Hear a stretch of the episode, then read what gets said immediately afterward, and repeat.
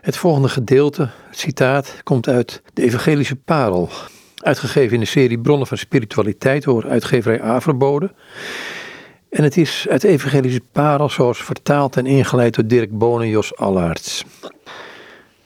Het is een boek uit 1537, eh, ik zeg het er maar even bij, maar goed, het Nederlands is goed verstaanbaar, neem ik aan.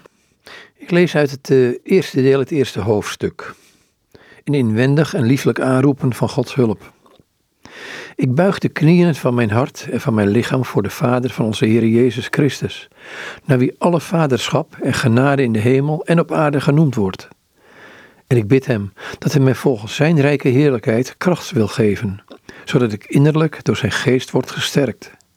Christus door het geloof in mijn hart woont en ik in Zijn liefde geworteld en gegrondvest blijf, om niet zwak of onverstandig te worden in Zijn dienst.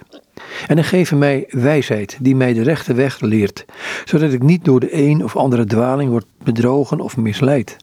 En ook zijn barmhartigheid die mij troost en vurig maakt, omdat ik niet mistroostig, lui of bitter word en niet in de fout ga voor mijn levenseinde.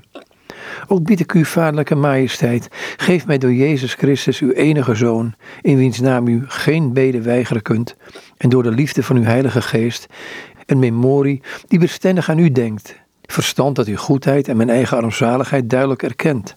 En een wil die uw onveranderlijke eeuwige goedheid altijd zonder voorbehoud en met vurige liefde zal aanhangen.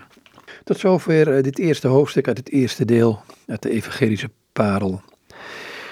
De vertaling was van Dirk Bonen en Jos Allaerts en de uitgave van uitgeverij Averboden in de serie Bronnen van Spiritualiteit.